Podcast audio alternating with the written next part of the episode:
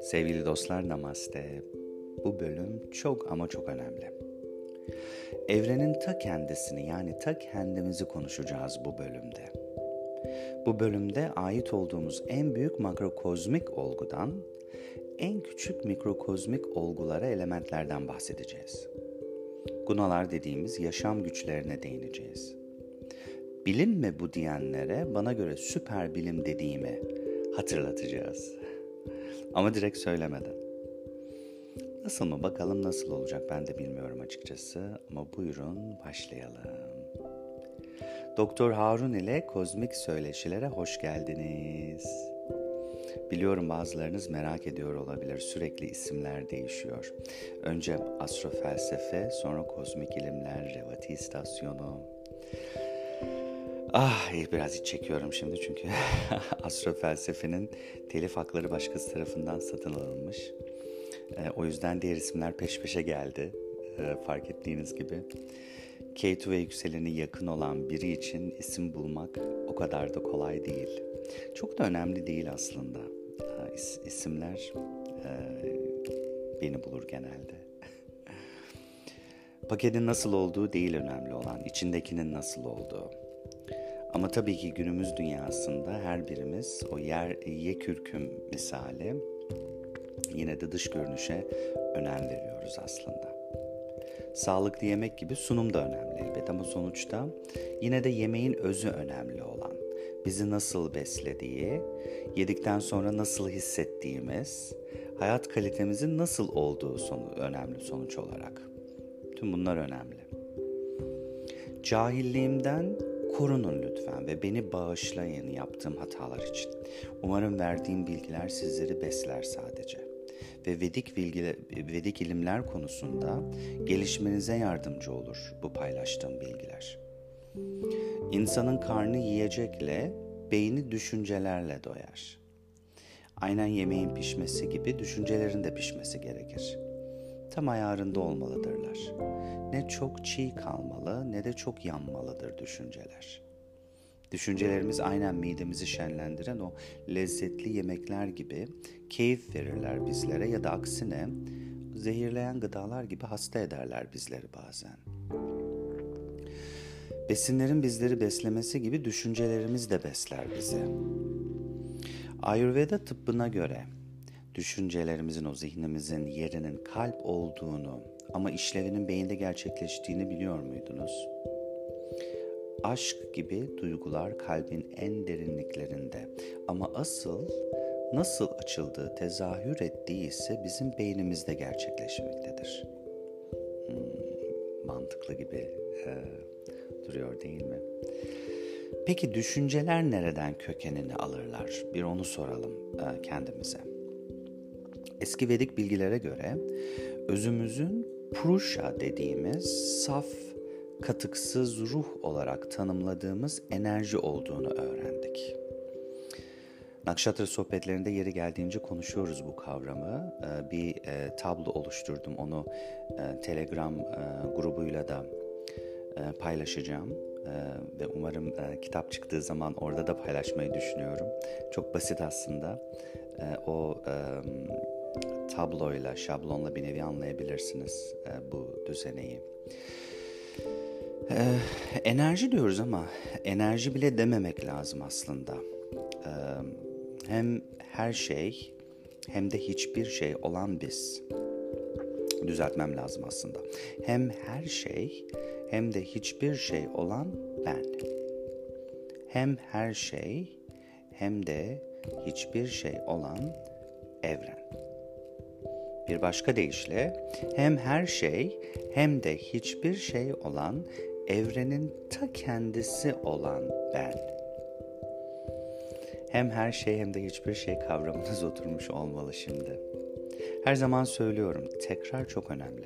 Notlar alın ve notlar oluşturun. Söylediklerimi harfi harfine yazmak değil, önemli olan bu kavramı anlayıp nerede ve ne zaman, nasıl kullanacağınızı idrak edebilmenizdir.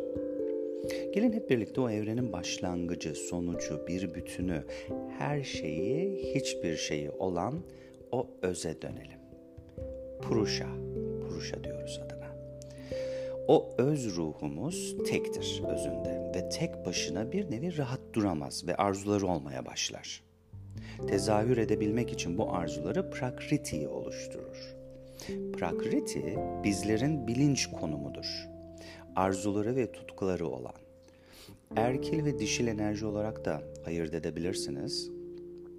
Erkil enerji o saf, katıksız ruh, dişil enerji ise arzuları olan bilinç düzeyi, bilinç seviyesi. Ama lütfen cinsiyet olarak düşünmeyin. Çünkü birçoğu kavrama göre aslında erkil ve dişil tanımı bile uymuyor aslında. Her erkil enerji saf olan enerji anlamında değil ya da dişil enerji arzuları olan enerji demek değil. O yüzden çok önemli. Lütfen e, cinsiyet olarak düşünmeyin. Erkil enerji istekleri, arzuları ile dişil enerjiyi oluşturuyor. O yüzden bazılarına göre bu Lord Shiva ve e, Parvati olarak da algılanabilir. Birbirine zıt olan enerjiler gibi de düşünebilirsiniz aslında ya da güçler gibi. Unutmayın enerji demek bile yanlış olabilir dedik. Belirli bir anlayış noktasına geldiğiniz zaman direkt bu konsepti Purusha ve Prakriti olarak aslında düşünmeye başlayacaksınız. Doğrusu da odur aslında. Purusha ve Prakriti'nin ürünü olarak bu da meydana gelir. Bizim zekamızdır. Ee, düşünceleri üretip analiz etme yeteneğimizdir. Burada dikkat edilmesi gereken o özümüz arzularla birleştiği zaman ve bilinç seviyesi oluştuğu zaman analitik düşüncenin devreye girmesidir. Bu konu e, bu nokta çok önemli. Böylece analitik düşünce o ayrımcılık yapmaya başlar. Bir nevi analitik düşünmeye başladığımız zaman ayrımcı olmaya başlıyoruz aslında. O yüzden aynı midemizin besinleri öğütmesi gibi düşüncelerimizin de iyi öğütülmesi gerekmektedir. Bir nevi yediğimiz besinler besin değerine göre sindirim sistemimiz tarafından ayıklanır. Kötüler dışkı yoluyla atılır. Kalan değer, değerli kısımda vücudumuz tarafından e, emilerek kullanılır. Ama bazen de yediğimiz besine göre de zehirli kısımları vücut absorbe eder. Aynen düşüncelerimiz de böyle işte gerekli olmayan düşüncelerin atılması gerekmektedir. Zararlı, toksik düşünceler aynı şekilde bizlere zarar verirler. Nasıl mı? Ee, düşüncelerimiz bizi bireyselleştiren etkenler haline gelir bu şekilde. Nasıl mı bir ona e, göz atalım hep birlikte. Kendinizden düşünün bir konu üzerinde analitik yapmaya başladığınız zaman karşıt düşünceleri elemeye başlarsınız. Bu süreçten sonrası ilginçtir. Çünkü bireysellik dediğimiz ben benim denilen ahamkara meydana gelir. Bir nevi yalın ve yalnız olan enerjidir. Kimleri ego olarak da yorumlar ama yanlıştır aslında. Benlik demek daha doğru belki de. Ahamkara kendi enerjilerini üretmeye başlar. Bundan sonrasını kinetik ve potansiyel olarak e, düşünebiliriz kinetik ve potansiyel enerji olarak. Vedik'te bu enerjileri biz guna adı altında adlandırırız. Rajesik, tamasik ve satvik gunalar. E, gunaları sık sık e, kullanıyoruz e, nakşatra sohbetlerimizde. Rajesik guna kinetik enerjidir yani hareket halinde olan enerji. Tamasik enerji potansiyel enerjidir, durağan enerji. Üçüncü olan satvik enerji ise öznel olan bilinç düzeyini simgeler, kinetik ve potansiyel enerji arasındaki dengeyi sağlar. Bir nevi nötr bir enerji aslında. Daha sonra tamasik enerji, e, o e, durağan enerji, potansiyel enerji beş elementi oluşturur. Bu kısım daha kolay. Ateş, toprak, hava, su ve eter denilen uzay boşluğu. Lütfen eteri kimyasal eter gazı olarak karıştırmayın. Eter e, kelime olarak e, farklı bir anlamda.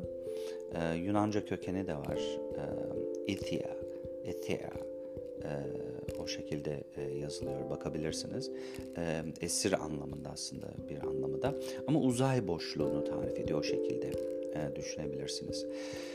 Ateş madde olmadan formu olan ve transformasyona uğrayan element. Ateşi tutamayız ama görürüz.